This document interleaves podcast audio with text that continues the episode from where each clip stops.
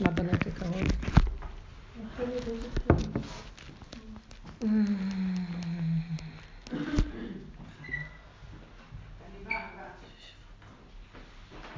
אולי אתן רוצות לשאול שאלה או להתחיל עם הכיוון שלכם, כי אני מפליגה בעולמות שאני לא יודעת.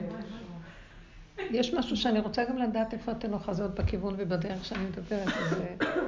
אבל אם אתן רוצות, נתחיל התחלה כדי שיהיה לכם בסיס. מה נשמע שירלי? תודה רבה על הבית, אבל אנחנו צריכים גם את בעלת הבית. זה בית נפלא שבעלת הבית היא כבר הקירות והכיסאות, לא צריכים אותה ממש.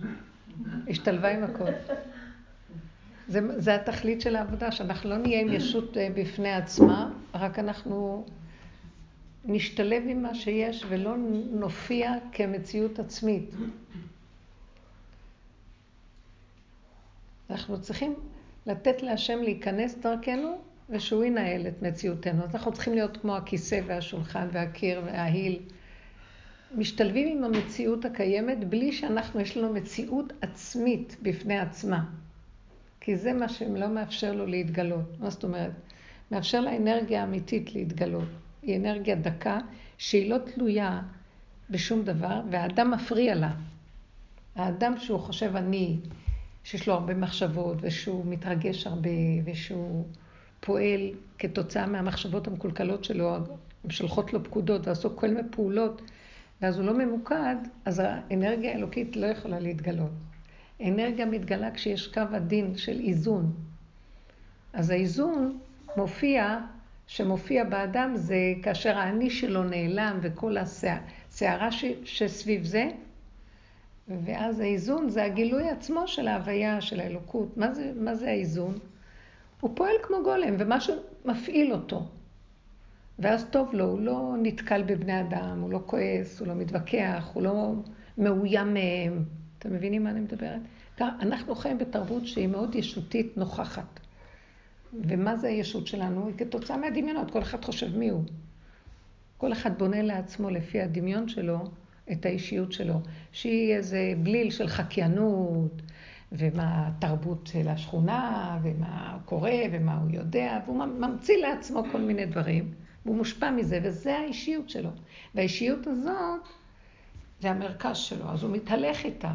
עכשיו היא נתקלת באישיות של מישהו אחר שגם מחכה משהו, וזה מחכה, וזה... אז החקיינות הזאת נתקלת אחת בשנייה, וכל היום מתקוטטים, אפילו אם לא רבים, יש אנרגיות שהן מתנגחות. אז ככל שאדם מחזיר את עצמו, שב בתשובה לעצמו מכל המצב הזה, ונכנס לעצמות שלו, לעצמות שלו. איפה העצמות שלו נמצאת? לא במוח שלו. הפוך, המוח שלו זה מלא מחשבות ורגשות וסערה, וזה מתפזר לו האנרגיה. ככל שהוא נכנס למיקוד העצמי בדקות, ויושב בתוך המידות והתוואים שלו, ממש כמו בהמה, ממוקדת, שמה זה כוחו. שמה מתגלה עליו מציאות אחרת. שם הוא פתאום רואה שהוא בעצם לא פועל, משהו פועל דרכו. שולחים לו מחשבה, מסדרים לו את המציאות, והמציאות מאוד טובה ופשוטה. לא צריכים להתערבב בה. וכמה קשה להתאמן לפרק את העולם סביבנו, את הפסיכולוגיה של העולם, את הגירוי תגובה והמחשבות והדיבורים, זה מאוד קשה. אז תגידי לו שאני בשיעור. והמצב הזה הוא כל העבודה שאנחנו עושים זה איך לפרק את המהלך הזה ולהישאר כלי ריק. ובאמת, באמת, כל הבנות ששנים בעבודה מדווחות שממש הן כבר הגיעו למקום של אין כוח לדבר. לחשוב בכלל. אני לא, אני, המוח שלי כבר לא, לא זוכר, אני מרגישה שנהייתי ביחס למה שהיה פעם בעולם. סליחה, טיפשה. אני לא מבינה דברים, ואז אני לא נעים לי, אז אני, שאני לא אראה כל כך כסילה, אני שותקת. כתוב, גם אוויל מחריש חכם יחשב, יותר טוב שנשתוק ולא נדבר, שלא יגלו. אז uh, הכל פשוט, כי הזיכרון נעלם. תודעה של uh, טשטוש כזה, של... Uh, ואז שם אני מרגישה שדברים נעשים. הפנים מסתובבות פנימה, ושם יש אנרגיה חדשה חזקה, שהיא אומרת לי, את רוצה שאני אתגלה? אז אסור לך להיכנס לתודעה של העולם, כי אז את יוצאת עם הישוב שלך ואת מפריעה לי. את מפריעה לי להתגלות. סובבי את הפנים לעצמות שלך ותהיי מעצמך לעצמך. אני רוצה לדבר על העניין הזה, מה זה להיות מעצמנו לעצמנו. זה לא להיות בכלל עם החלק שחושב, זה רק להיות עם היצריות שמהבשר והצרכים הפשוטים, יש שם חוכמה מאוד גדולה. והיא מוליכה אותך והיא אומרת לך מה לעשות, ולא חסר דבר. את לא מנו... היא גם לא מנתקת אותך מהעולם. את מאוד נוכחת, את לא בריחוף. כי כשאנחנו הולכים למוח ויש עומס, אנחנו פשוט בורחים לאיזה ריחוף כדי להתנתק. ואז אנחנו מרחפים. אז אנחנו לא בורחים לריחוף, ואנחנו לא בורחים למין מצב של אה, הפקרות קרימינלית. אנחנו נמצאים במקום של כמו תינוק, הוא מאוד נוכח, ילד קטן נוכח, הוא רואה דברים מה שגדול לא רואה. כי אין לו במוח הרבה קשקושים, והוא רואה את הדבר כהווייתו יותר מאשר איש מבוגר, נכון? הוא רואה דברים, פתאום את רואה אותו טס לאיזה פינה בחדר ומתעסק עם משהו, כי הוא ראה אותו מפה, ואת לא רואה כלום. אז ככה, מין נוכחות פשוטה, שהיא מוליכה ומובילה בלי החלק שמקשקש כל הזמן. החלק ה... של המוח של עץ הדעת, זה חלק שיש לו מחשבה, ואז יש לו הבנה, ויש לו השגה, ואז יש לו דבר והיפוכו, ואז יש לו ספק ביניהם, ואז הוא רב עם עצמו, ואז הוא לא בטוח. הוא עסוק עם איזה בועת אוויר קשה במוח. וזה נופל. כשאנחנו נמצאים במקום הזה ואנחנו עם עצמנו בפשטות בקטן, זה איפה שהשם יכול להתגלות ולעשות לנו ישועות גדולות. אנחנו עכשיו לפני אה, פורים. פורים הוא, החוד, הוא החודש האחרון בשנה, חודש השתים עשר, הוא החג האחרון במעגל השנה, והוא סוף המחזור. כל שנה מתחיל אחר כך מחזור עוד פעם. ניסן הוא ראש חודש, ראשון הוא לחודשי השנה, הוא הראשון האמיתי לכל החודשים. חודש ניסן הוא הראשון לפי התורה, חודש אה, תשרי הוא השביעי. זה לא הולך בדיוק כמו שאנחנו אומרים, ראש השנה זה החודש הראשון. החודש השביעי, הראשון הוא חודש ניסן, האחרון הוא חודש אדר. חודש אדר סוף המחזור. סוף המחזור זה יסוד של פורים. מה זה יסוד של פורים? מחיית עמלק. מחיית התודעה הזאת של האני, ואז נהיה כמו פורים, כולם שמחים, אה, ילדים קטנים שמחים. כל העניין שלי ושט המסכות זה כאילו להראות, נפלו המסכות בעצם. הכל מצחיק. להראות לנו, אתם יודעים פה, הכל כאן צחוקים, אין כלום, זה רק מסכה, זה רק הצגה, זה רק כאילו. הכל כאן כאילו. זה המוח של הכאילו, כשהוא מאוד מאוד רציני, אין החיים, הם בלתי נסבלים, כי נורא לוקחים ברצינות איזה הצגה. זה כמו אדם שהוא משחק בתיאטרון, וכשהוא נכנס להצגה הזאת, הוא כל כך רציני שנגמרה ההצגה והכול, לא רוצה לרדת מהבמה.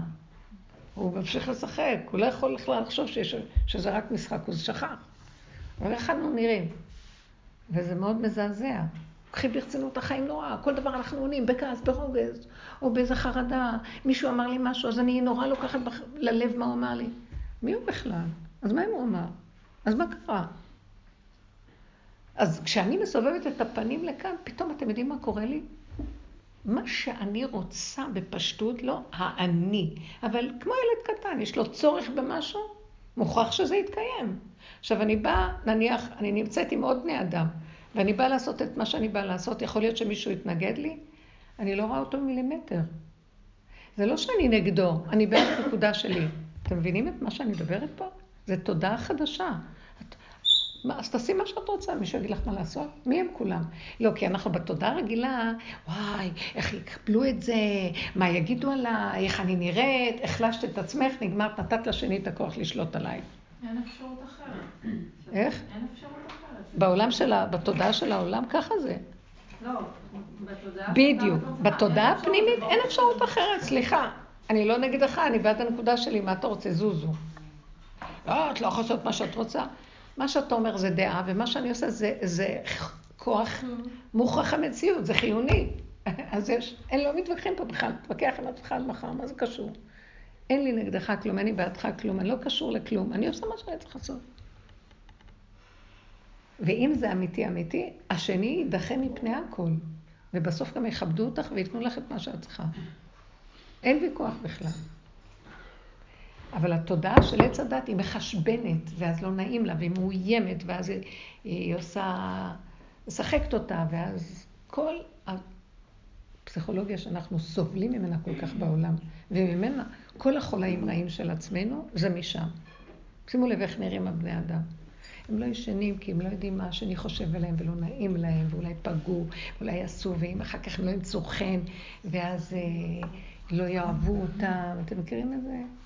ואז הם אומללים, ומספרים, המוח מספר להם סיפורים. וככה החיים שלנו נראים. מה דעתכם? אני רוצה שתגיבו על זה. מה דעתכם? אנחנו חיים בבית משוגעים, ולא רוצים גם לעזוב אותו. גם אני אעבוד עשרים פעם, יגידו, אה, טוב, באנו לשמוע שיר, לא אכפת לכם, אתם רוצות להישאר שם, לא אכפת לכם, אני רואה.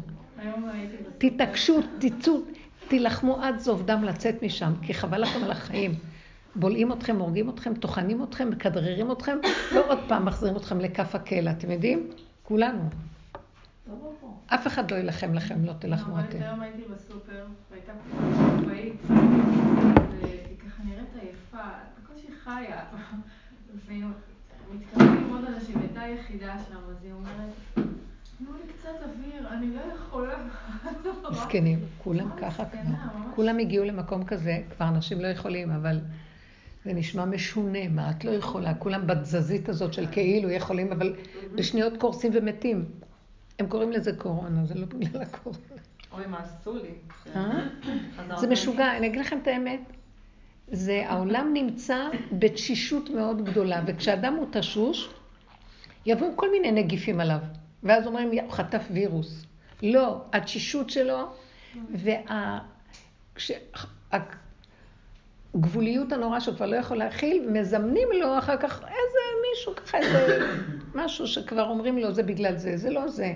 רבנית, אח של רות נפטר הבוקר. כן, אני יודעת. אני... אה, כן, כן. השיעור יהיה לעילוי משהו, מסעוד יהושע, אה, בן מי? למה הם לא רואים את האבא? הם לא רואים את האבא שלהם. מה שם האבא שלה, את לא יודעת? או האימא. זוהרה, בן זוהרה. כן. אוקיי, שיהיה לעילוי נשמתו. תהיה נשמתו צרורה בצרור החיים. כן, אח של רות נפטר. כן, אז תגידו אתם.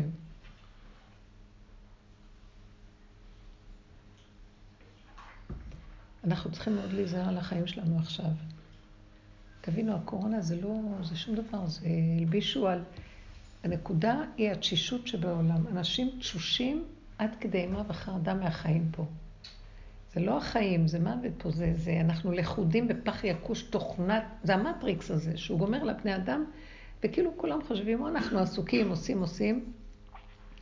זה פעילות של רצו ושוב, שמסעירה לנו את החיים, וכשאנחנו יוצאים מפה, אני אגיד לכם, אם היו אפשר לחיות את המתים, מה הם חווים ברגע האחרון, תחושה של הלם. לא עשיתי כלום בחיים ונגמרו לי החיים ו... ולא היה בהם כלום. אתם מבינים? בזבוז לא נורמלי. מה היה בהם? אוכלים, שותים, רצים, קונים עוד פעם מחר, עוד פעם, עוד פעם. ונראה כאילו יש איזו המשכיות ועוד אחד ועוד אחד שווה, וזה כלום, אין כלום. לא שווה כאן כלום. אתם לא מבינים את זה. מלבד שיש נקודות של, או שאדם קשור בתורה חזק חזק באמת, מתוך מידות ישרות ופנימיות אמיתיות. או שאחד שעובד על עצמו מאוד מאוד, יש בו עבודת השם גדולה ונקודתית. זה, זה, זה הכל ממוקד. גם זה שעושה את כל זה, אתה יכול להגיד, יש לו קומץ. וכשיש לו קומץ אמיתי, הקומץ זה הרבה, בגלל שטיפה והרבה אצל השם זה אותו דבר. דין פרוטה כדין מאה, אבל יש לו כבר דריסה ברגל בנצח. יש לו כבר דריסה בתוכנית הנצח. זה כבר שווה. אבל להגיד שאנחנו פה עושים, כל אדם בונה בניינים, עושה דברים, אין לזה תכלית, אין לזה כלום. כי בניינים נבנים, בניינים נהרסים. כל היום הם עובדים על הכבישים, הורסים כבישים, חוזרים. אני נוסעת עשרים שנה בכבישים, לכל מיני מקומות ושיעור. מאז שאני נוסעת, אני, וגם לפני כן בטח, כל הזמן מתקנים את הכבישים בכניסה לירושלים. אין, אין לילה שאני חוזרת ואין בו תיקונים, מרחיבים ומצרים והורסים את מה שהרחיבו ועוד פעם בונים והולכים לקטע אחר ועושים עוד פעם. זה משהו לא נורמלי. כל הזמן בונים והורסים ומחייבים ועוד פעם. תזזית כזאת. אני ממש רואה את זה בחוש. בונים בניינים עוד פעם, עוד פעם. אז ככה זה העולם פה, אבל זה לא התכלית. תכלית משהו שאדם בונה והוא נצח. הנצח הכי גדול שיש לנו פה זה שאנחנו קולטים שאנחנו, ב... קודם כל לפרק את כל התוכנה הזאת ולראות שזו תודעה דמיונית, ושאנחנו חיים בדמיון. ומרגע שאדם מתחיל לראות את זה והוא לא נותן כבר, עצם הראייה כבר יוצרת שיש התנגדות, שיסחבו אותו לשקר, והוא הולך בצמצום גדול עם עצמו, בריכוז, זה כבר מאפשר לו להתחיל לצבור נקודות דקות לכיוון אה, חדש, שיש יש איכות. יש שם נקודות נצח שאין להן זמן ומקום והן קיימות תמיד. הן לא סרק. אני זוכרת, אני הולכת, אה, למשל, דיברתי, דיברתי עם מישהי בטלפון, לא מישהי מהעבודה, מישהי סתם שהתקשרה אליי, קרובת משפחה. מדברת איתי, אני לא מדברת הרבה, כבר אין לי כוח. ודיברנו איזה, אני לא דיברתי, היא דיברה. ואחר כך פתאום, והיה לי מזה מצוקה, לא היה לי כוח להחזיק את הטלפון. אבל אם הייתי סוגרת לה, הייתה נעלבת. אז איכשהו החזקתי את זה הלוך ושוב. בסוף הפלאפון נחבא, הבטריה הציל אותי שלא הייתה בטריה. אחר כך שהסתכלתי ואז אמרתי, רבע שעה של סרק, סרק. היא דיברה והתרגשה וסיפרה ואמרה, אבל סרק, אין בזה, אין, כי אין במוות זכריך, אין זכר לדבר אחר כך. זה ריגוש ואיזה מחשבה ואיזה זה, אבל אין בזה ממש. סרק. אחר כך הלכתי ביום אחר לעוד איזה מקום, והייתי חייבת לעשות איזו פעולה, והסתכלתי כמה מותרות הייתה בשביל הפעולה הזאת שהייתי צריכה. לא זוכרת מה זה היה, או לשלם משהו. כמה זמן, אה, הייתי בשערי צדק, אז כדי להיות אצל הרופא, בשביל שתי דקות, לאיזה דבר קטן, הייתי צריכה לחכות איזה שלוש-ארבע שעות. והייתי, ואני הסתכלתי על האנשים וראיתי, הכל אצלי זה לימוד. ואחר כך חזרתי, אמרתי, זה היה סרק. וכל היום אני הולכת ואומרת, סרק, סרק. כמה אה, קליפות סביב הקלוף ירקות וכל זה, ואת אומרת, בשביל להוציא מזה כל כך מעט שהוא משהו טוב, סרק. לא שווה לאכול כל כך הרבה בשביל להתקיים. זה לא שווה. בשביל להתקיים לא צריך כל כך הרבה. כמה סביב האוכל. הולכים וקונים ומביאים וסוחבים וס... וזה, ומתחילים להכין ולקלוף ולסדר ולזה, ולשטוף ולנקות בשביל הקצת, כמה עבודה. סרק. אז, אז חבל לי בכלל לזוז. תשאר במיטה, תלכי לטייל, תאכלי מעט. לא צריך בשביל להתקיים כל כך הרבה לעבוד. מה שווה החיים פה ככה? אז אני רואה, 90% מהחיים שלנו זה סרק. שבי בנחת. כמה לימודים והשקעה וזה סרק. את יכולה לקחת טיפ-טיפה, אולי יש בזה משהו. שאת יכולה לעשות את זה ביום, יומיים, לא יודעת מה. למה כל הדבר הזה? ככה אנחנו מבזבזים את כל החיים פה. אז uh, התוכנית החדשה, כשאת מסובבת את הפנים לתוך עצמך, משהו מבשרך הוא מאוד מאוד מדויק ואומר לך מה צריך לעשות. מדויק. וזה מדויק לך, ולשני זה לא. אז כל אחד זה משהו אחר, אי אפשר לחכות, כי זה גם פנימי ואף אחד לא רואה את השני. כאן כולם רואים, בהחצנה של המוח כל אחד רואה את השני, וככה תרבות ניזונת. ואף פעם אין כאן אחד שהוא אמיתי. הוא הכל תוצר של אה, שטיפת מוח חקיינית. בכלל אין ייחודיות כאן לכלום. חוץ מזה שאדם סובב את הפנים והוא חי עם בשרו, עם מציאותו. וזה משהו אחר לגמרי. עכשיו, אני, אני, תדעו לכם, תלכו במקום הזה של עצמכם, הקשר הזה עם עצמי, אפילו שיש אנשים מסביב. אני לא מרחפת, לא התנתקתי מהם, אני מאוד מדויקת. מה שאני רואה סרק, אני לא מחשבנת, אני לא מדברת על עצמי, כאילו, אני אומרת, איך התודעה הזאת עובדת. לא מחשבנים. בן אדם יכול לדבר איתך באמצע, חבל לך על הזמן, אני יכולה ללכת באמצע הדיבור. באמצע, אני, אני יושבת ופתאום אני רואה טוב, לעסתי וזה יותר מדי ללעוס. הפסקתי באמצע לאכול, זה היה המון לעיסות. עצבן אותי שאני מדי הרבה לועסת. אפילו שזה היה טעים, אבל פתאום ראיתי כמה עמל והגיע סביב הקצת אוכל, זה מיותר. אתם, לא, אתם יודעים שלא צריכים לאכול הרבה? בכלל לא. מעט מאוד בשביל הקיום. כמה המוח עושה זה וזה שווה זה וזה חלבון עם ההוא, וקורא את השיטה הזאת והשיטה הזאת, עכשיו יש לו מלא שיטות במוח, אז מלא אוכל במוח עכשיו. הוא רץ אחרי זה, ורץ אחרי זה, ורץ אחרי זה, ורץ אחרי זה. וכל היום רק, והגוף שלו קורס תחתיו, כי הוא שיגע לו את הגוף. הוא שיגע לעצמו את הגוף שלו, מסכן הגוף הזה. הגוף לא צריך כלום כמעט, מעט מאוד לקיום שלו. ויותר טוב לו שלא יכניס לפה מה שיכניס. זה מאוד פשוט. עכשיו ככה כל הדברים, זה לא רק עם האוכל. ספרים, כמה הוא קורא, כמה הוא צריך לדעת. מה יש לו עם כל הספרייה על הראש? מחזיק חמור נושא ספרים. מה יש לו מכל הספרים שבראש שלו? מה? שהוא ירגיש שהוא יודע. מתחיל להשוויץ ולהראות לכולם מה הוא יודע. שקרן, הוא מרמה את כולם, מרמה את עצמו קודם כל. אז מה יש לו מזה שהוא מראה לשני שהוא יודע? הוא מראה לעולם, אפילו בינו לבין עצמו יש לו תחושה שהוא יודע, הוא מרמה את עצמו. כי באמת, באמת, באמת, כשאדם נמצא ממוקד בנקודה שלו, הוא יכול ללמוד משהו קטן, ומהקטן הזה, הקצת הזה, פתאום יבוא לו חוכמה מאוד גדולה. איך אמר אה, שלמה המלך? ונתת לעבדך לב שומע. נותן לו לב של יודע נקודה קטנה, על זה הוא כבר יודע הכל. מי זה?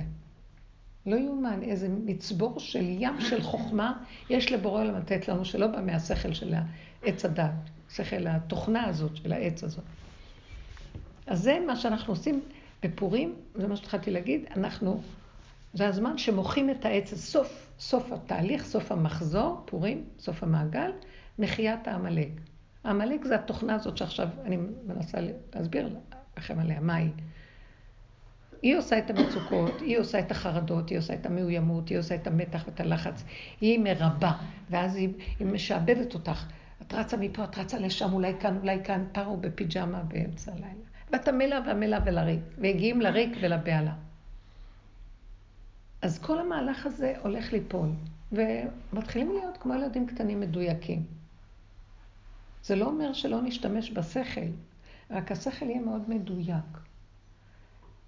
וזה לא אומר שלא יהיה לנו רגש, אבל הרגש קטן, מה זה הרגש? הרגש נותן, מדליק את השכל, שהפעולה שלו יהיה לה חשק לצאת. נניח יש מחשבה, בא הרגש, מדליק אותה, עושה חשק, ואחר כך באו ידיים ורגליים ועושים. אבל הכל קטן, מדויק. צריך את הרגש. יש בזה אש. אז כל המהלך הוא מדויק איך שהשם ברא אותנו, אבל המוח הזה בלע אותנו, הוא שבה אותנו, אנחנו שבויים בתוכנה מאוד קשה. כל העולם במקום הזה. העולם נראה מבולבל, סוער, ונראה כאילו, הכל כאילו. ככה זה נראה עכשיו. אז ממה להיזהר הרב? מה? עדיין לא הבנתי ממה להיזהר. ממה להיזהר?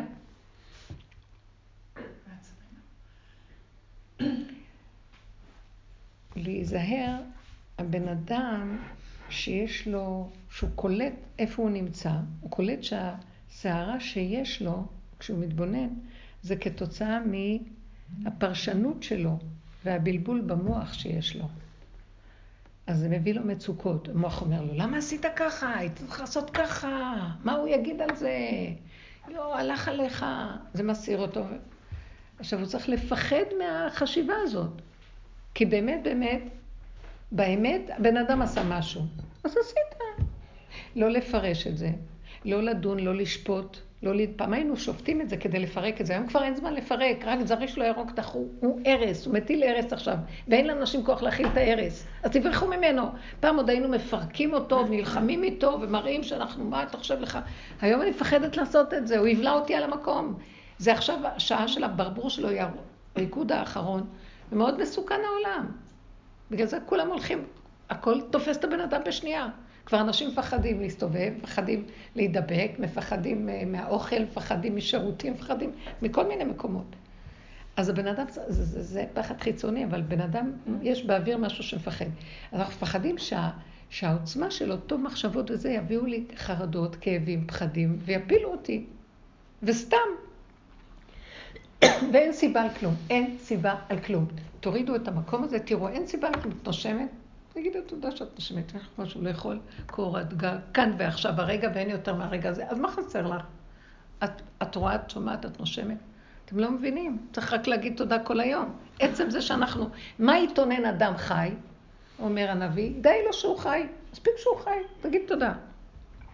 בא המוח, אומר לו, גם זה חיים, תראה מה יש להוא ולי אין, והיה צריך להיות לי זה וזה, ולמה אין לי את זה?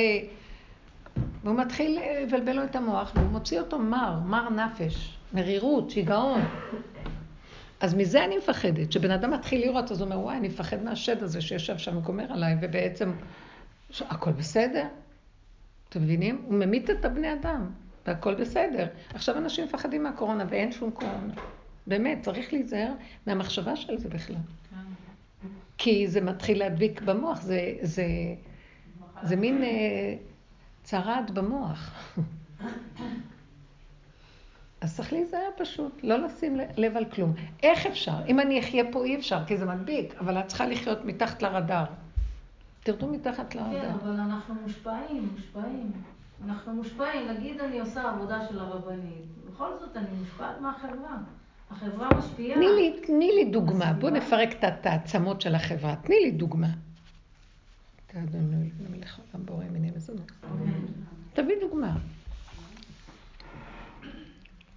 אה, המצב הזה שאת אומרת אין כלום, כן? נגיד עכשיו אני נמצאת במצב חברתי ואני מרגישה עוינות מאיזשהו צד כלפיי. יכול להיות שזה קשור לעבר, יכול להיות שמישהו זוכר לי משהו, יכול מה את מרגישה? שמה? סוג של מבט כזה קשה, מבט של מישהי עליי נגיד.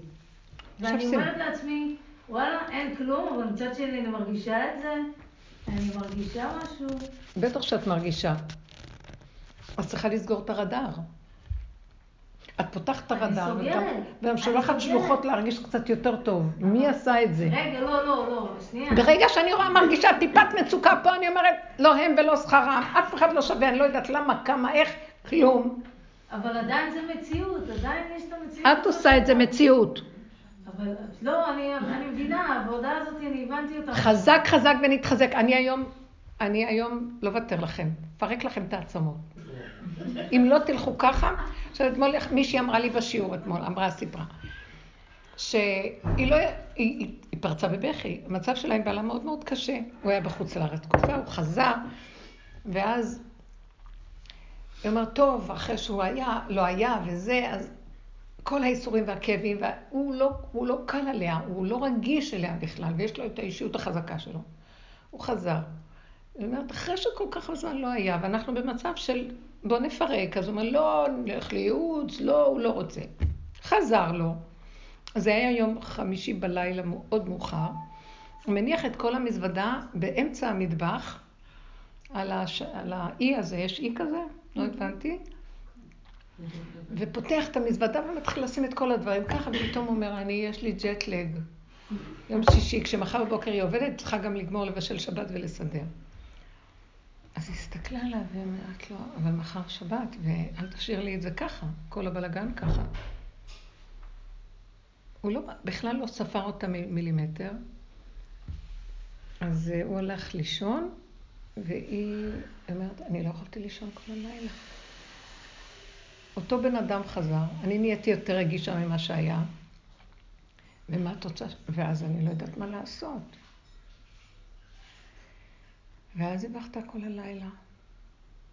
והסתכלתי עליה ככה, ו... ואז היא אומרת לי, ואני לא יודעת. אז אני, איך היא אמרה את זה? אני לא יכולה לסבול, מצד שאני לא יודעת מה לעשות, אז עוד פעם נעבור את כל התהליך, אז עכשיו מה? ואז היא טוחנת את זה והיא עצובה והיא כל רגע בכתה. ואז אמרתי לה, מה את חושבת שהיית צריכה לעשות במעמד הזה כשהוא השאיר ככה את המטבח והלך?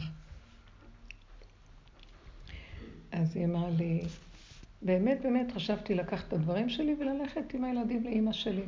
כי לא היה לי כוח להתמודד עוד פעם עם המקום הזה, אבל הוא רק חזר מחוץ לארץ. אז אמרתי לה, אז למה לא עשית את זה? אם היית רואה בבוקר ככה, את יוצאת לעבודה, ומן הסתם עד שיקום זה יהיה כבר עד הצהריים. כי היא מכירה אותו כבר. אז אמרת לי, לא, המחשבות שלי, והזה והזה, אני נשארה בוכה. ואז אני אמרתי לה, עכשיו שתדעי לך זה משהו אחר. עכשיו היית צריכה להקשיב לאותו כוח, היא אומרת לי, היה לה כוח מאוד חזק, שהיא יותר לא מוכנה לוותר, והיא הולכת לאימא שלה. אמרתי לה, אז למה לא עשית את זה? למה לא, לא לקחת את המחשבה הראשונה שהייתה לך? כי אז היא אומרת לי, אה, אז באו המחשבות והתחילו לבלבל אותי ולא ידעתי מה לעשות. אמרתי לה, כי בא, הייתה לך מחשבה אחת נכונה, והמוח נפתח לך והתחיל לחשבן. למה לא הקשבת למחשבה שלך? את לא צריכה לריב עם אף אחד. ככה, זה אין לי תנאים ככה לבישול. היא ידעה שזה יישאר ככה עד למחרת, לפני כניסת שבת. ככה אני לא מוכנה. אז אני לוקחת את הילדים ואני הולכת לאמא שלי. אז היא אומרת לי, המחשבות הפחידו אותי ובלבלו אותי. אז אמרתי לה, כי את רואה, הנקודה הפנימית הראשונית אמרה לך מה לעשות. ולא לחשבן ולא לראות ממילימטר שום דבר, רק את עצמך.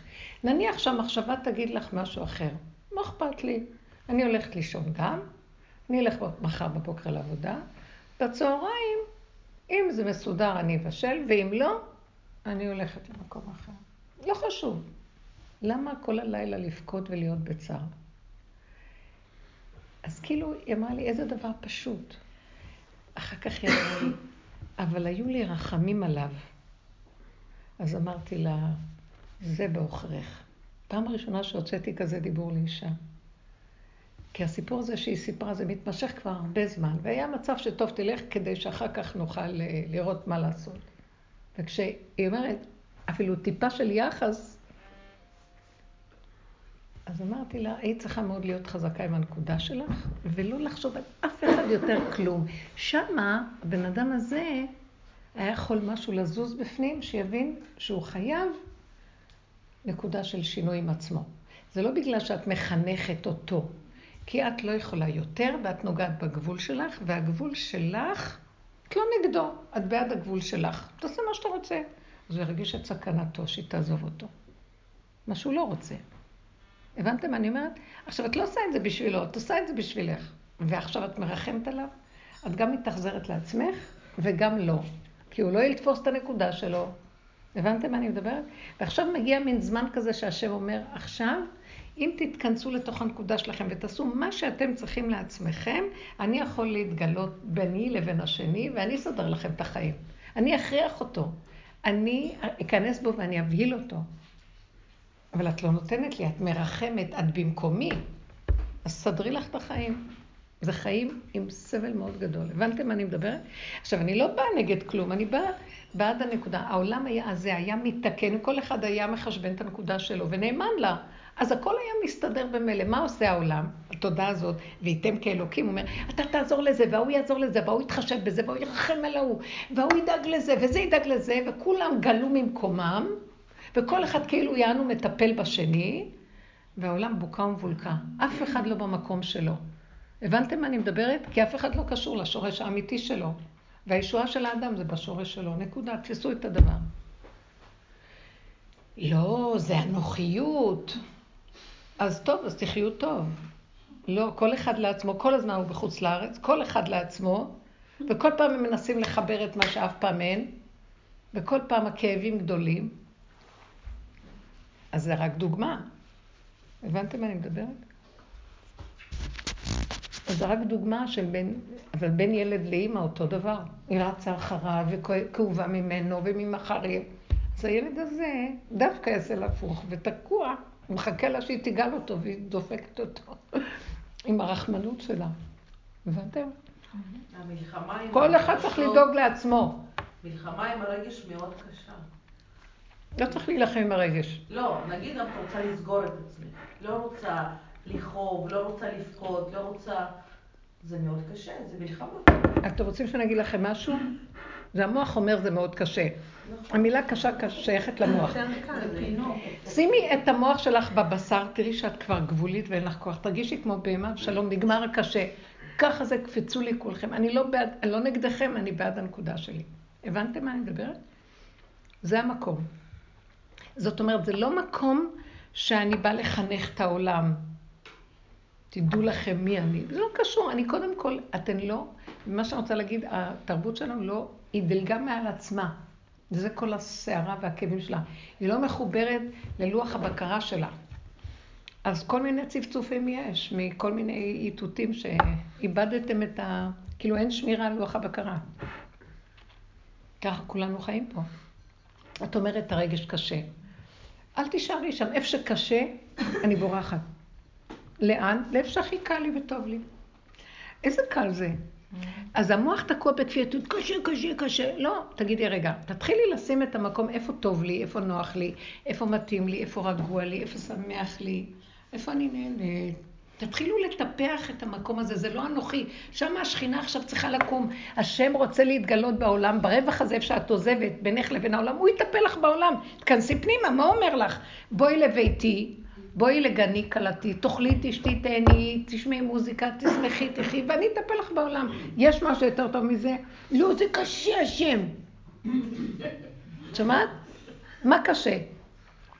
קשה שאני לא אהיה מעורבת ואני לא אנהל את העניינים ואני לא, ואני לא אתן שישחטו אותי. קשה לי שאני לא אה, אשתלט, קשה לי שאני לא אקדם. אבל הקנאה והשליטה וכל זה מוציאים אותי מן העולם וגורמים לי מוות, אז מה אני מפרנסת את המוות הזה? קשה לי לא לפרנס אותו. לא נמכרנו ליגון, להנחה. אתם מבינות מה אני אומרת? לא, לא, אין הדעת סובלתנו. אין, אין, אין. טוב שנתהפכה שילתנו על פנינו, חבל שאנחנו חיים בכלל. כי אנחנו לא נקראים חיים, אנחנו נקראים מתים. קרואים מתים. רק אלה שהולכים אחורה ודבקים במתיקות של השם, ואתם הדבקים בהשם אלוקיכם חיים כולכם היום. איפה הוא נמצא מאחור? הוא לא, הפנים שלו לא בעולם. לא, לא יכול להיות. פניי לא יראו, אומר למשה רבנו, בעולם פה הוא לא נראה.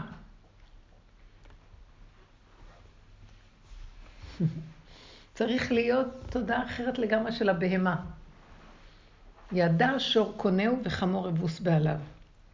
עמי לא ידע, שכל לא יודע.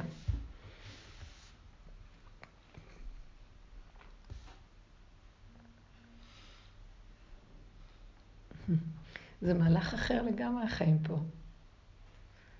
עכשיו מתחיל להתגלות משהו שהוא קורא אותנו אליו, לך מבוא בחדריך סגור דלתך בדיך, והוא רוצה להתגלות ברווחים ולעשות כאן איזו ישועה.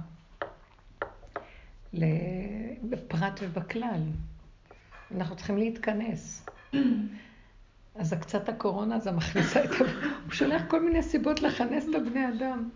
איזה מצחיק, סגיר... יש הסגרים. כאילו בספינה סוגרים, במלון סוגרים, סוגרים על הקבוצות. מצחיק. בידוד, בידוד. אני רוצה, יכולה לשאול? כן. אני רוצה לשאול איך זה נראה בבית. באתי פסקי שלהם ברחתי ממנו. חמודה. ממש. במקום להופיע בבית, עדיף לי לשמוע. בבית זה נראה שאני רוצה אצלהם.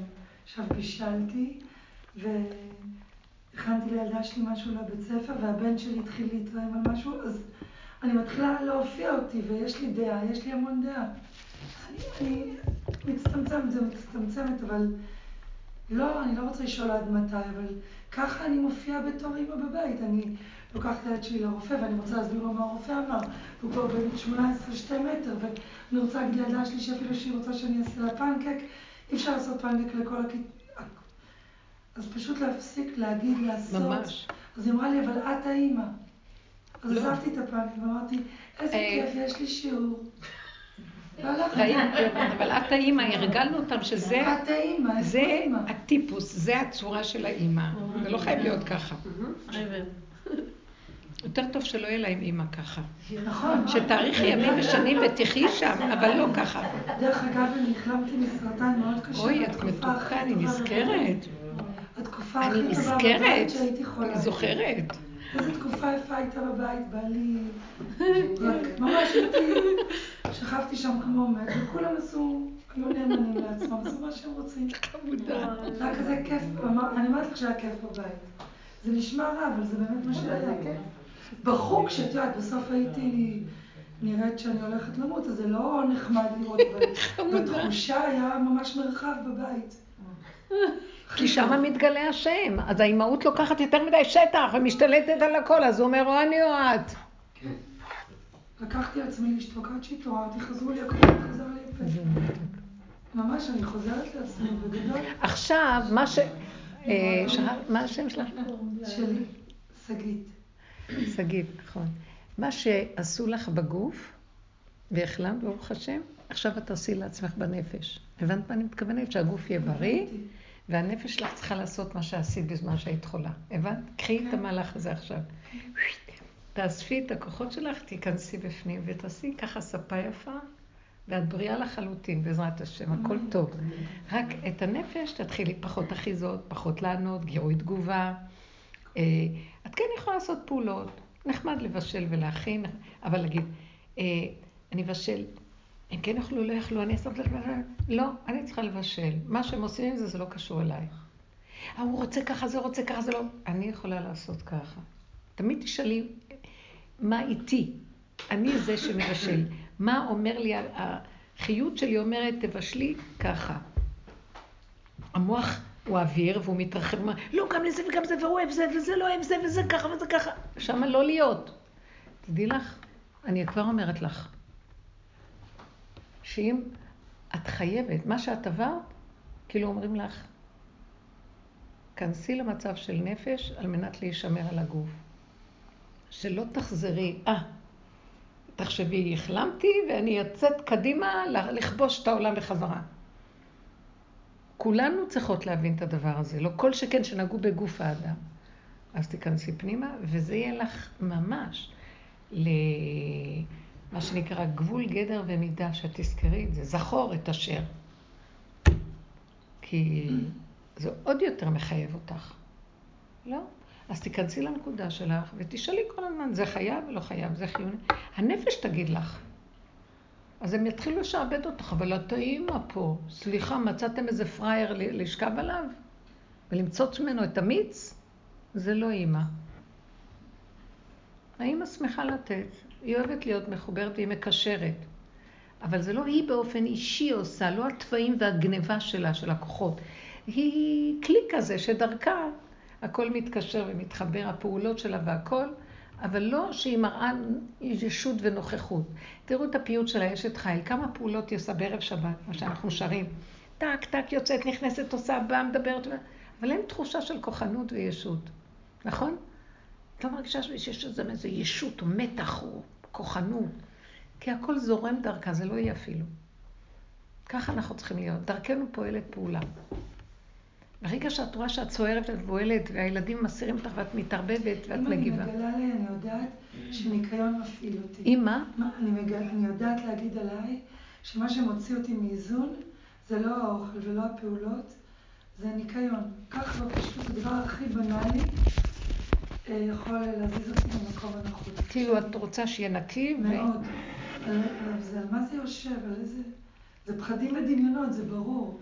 יכולה להיות מנקה ואני אנקה והבנות יעזרו לי, אבל זה המקום שהכי מפעיל אותי. שמה? וכמובן שאם נגיד עכשיו סתם הבן שלי לא מרגיש טוב, אז גם הנפש שלי מגיבה. כמובן שאני רואה שהוא לא מרגיש טוב, אז, אז אני מתחילה להגיב ולרצות לטפל בו, וזה שני נקודות שממש... את לא קולטת מספיק כמה את עייפה, אימא'לה. לא. שים לב מה עושה לנו המוח, הוא סוחב אותנו כאן, הוא מנתק אותנו מהגוף. אם היית חוזרת לפה, היית אומרת, לא, לא, מה זה קשור אליי? היית אומרת ככה, או, ריבונו של עולם, הוא בא לקחת אותי, ואז הדאגה והלחץ, אני מעבירה את זה אליך. אתה רופא חולים, אתה מסדר את הכל. אני הילדה שלך כמו שהוא הילד שלך, אז במקום שאני האימא שלו, אני חוזרת לילדה שלי ומחזירה את זה לך. זה תפקידי כאימא, לקשר אותו אליך, דרכי. הבנת מה זה האימא? האימא משלחים אותה, אבל היא נשארת אימא. משלחים לה את הכוחנות, משלחים לה את הישות, אבל היא נשארת אימא כדי לחבר אותו בתפילה לבורא עולם ולהגיד לו מה? מה להגיד לו? תעזור לו? תעזור לי שאני לא אפריע לך לעזור לו. בבקשה, אבא. אז גם את נזכרת וגם הוא נזכר. הבנתם? זה התפקיד שלנו כאימא. לחבר את הבית לבורא עולם. אנחנו עושים פעולות יפה. מה הגדר של הפעולה? דרכיה, דרכי נועם וכל נתיבותיה שלום.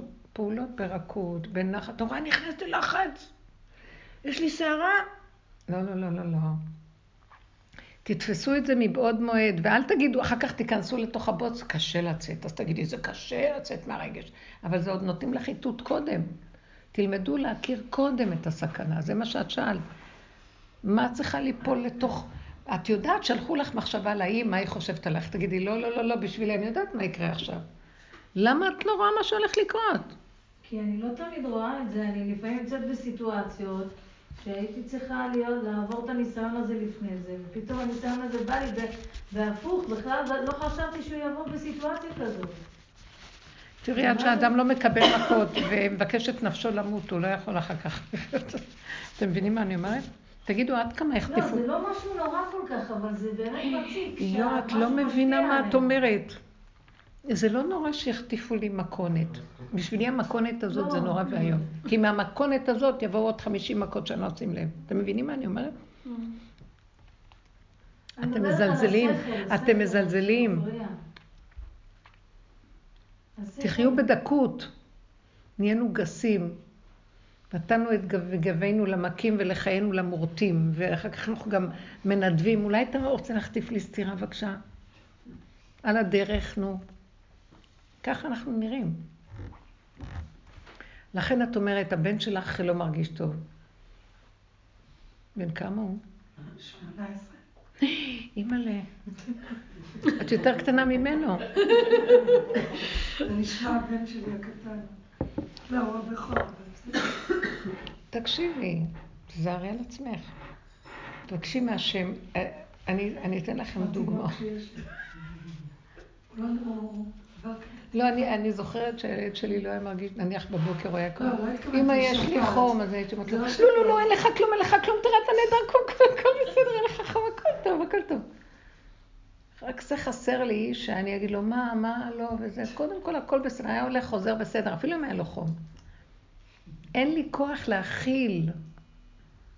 איך לך יש כל כך הרבה כוח? כי אנחנו לא קולטים עד כמה אין לנו כוח להכיל. כי אין לנו קשר עם הגבוליות שלנו. אם אין לנו קשר בגבוליות, ישר היינו אומרים, לא, לא, לא, אין לך כלום, תלך, תלך. מהפחד שהוא ירבוץ לי בבית ויכניס אותי למצוקה מהחולי שלו. וככה הוא נהיה בריא. כשאמרתי לו, תלך, אין לך כלום, השם נכנס וסידר לו את הכול. למה אני, את מבינה? למה את צריכה ליצור מציאות שכן, עכשיו יש בעיה, ועכשיו צריך זה, ועכשיו צריך זה? למה את צריכה את זה? כי זה התרבות פה. היה בקטן שלי, אמא כאב בטן, כאב ראש, אמרתי, אוי, אתה גרה דווקא בסדר, קח שלוש פלטים. אחרי אישה אומר לי, אמא, היא דווקא בסדר.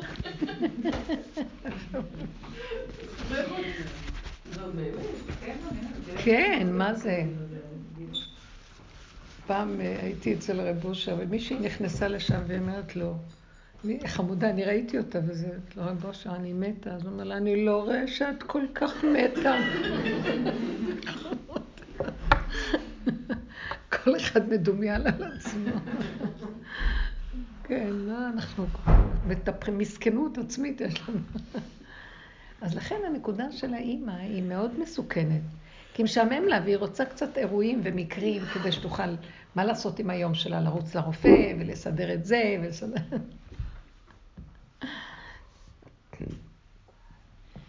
ישר, אני אגיד לכם, כשאנחנו מתחילים לסובב את הפנים פנימה ומתחברים עם עצמנו, קורה דבר מאוד מעניין. לא רוצה חברים, לא רוצה חברות, לא רוצה משפוך, לא רוצה, לחיות טוב עם עצמי.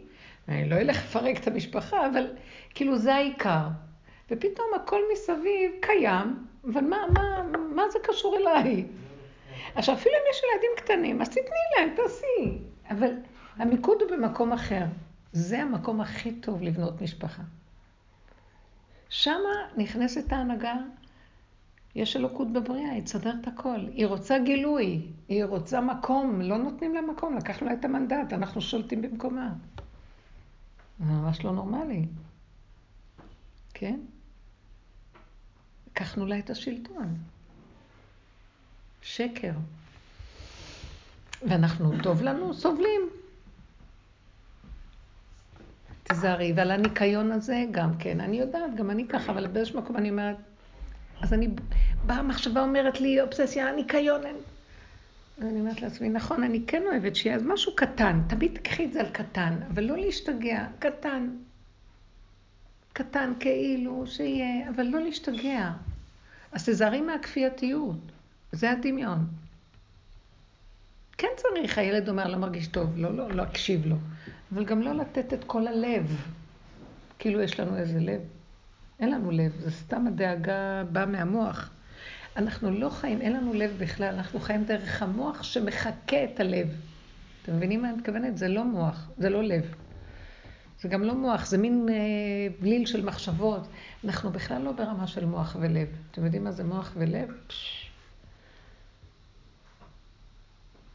אנחנו נמצאים בתרבות של קשקושים, והרבה פרשנות ומשמעות, ועוד מישהו עוד לא גמר להגיד מילה, כבר יש לו עוד תשובה ועוד לא, זה הכל שטחי מאוד מאוד, גירוי תגובה, גם הרגשות שלנו. רגע אחד אומרת, איך אני אוהבת אותו, רגע אחד אני שונאת אותו. אי אפשר להאמין לנו. מה אתם חושבים?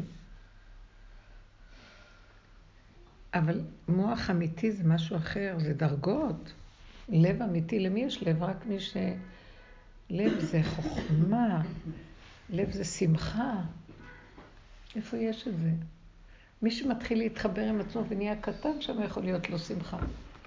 ושם יכולה לנבוע ממנו נחל נובע מקור חוכמה. זה נובע מלמטה, זה לא בא מהמוח שאנחנו רגילים אליו. אז תתעקשי, כשאת רואה שאת בחברה, תזהרו מהחברה. אל תתעלי בה. כאילו, את חיה בחברה, ואת מחשיבה אותה. זה ה... זה ה... כאן הקבר, קרו. איך אומרים? קרו לנו קבר שמה. זהרי. פתח הגיהנום. ככה תראו את זה. אני מגזימה כדי שדווקא, זה לא מגזימה בכלל. אם היינו יודעים, היינו, אין לנו דקות, אנחנו כל כך גסים וחוטפים מכות ומוכים עד שאנחנו כבר לא יודעים עד כמה אנחנו מוכים וממשיכים למשוך את המהלך הזה. וברגע שמתחילים לחיות בעונג ובמתיקות ובקטן, כמו בת מלך, את לא תוכלי לסבול את העדשה מתחת לעשר מזרונים. כי, כי את מתחילה להבין מה זה דקות של אה, חיות ושמחה, ולמה שתאבדי אותה בעד איזה מישהי שבא לה לחשוב מחשבות שליליות אליה, תחשוב. מה קשור אליי? בתודעה של עץ הדת, כשאת מגיבה לה, אם היא יונקת ממך, מקבלת כוח להמשיך להשת... את מפרנסת לה את השלילה שלה. אתם מבינות את זה?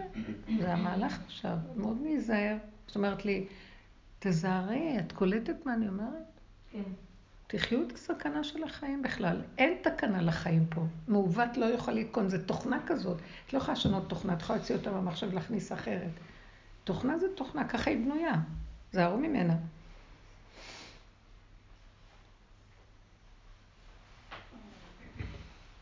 יורד עכשיו תודעה חדשה וגם כאילו משהו חדש הולך לרדת על הכדור והוא מתחיל לשנות את הפנים של התודעה.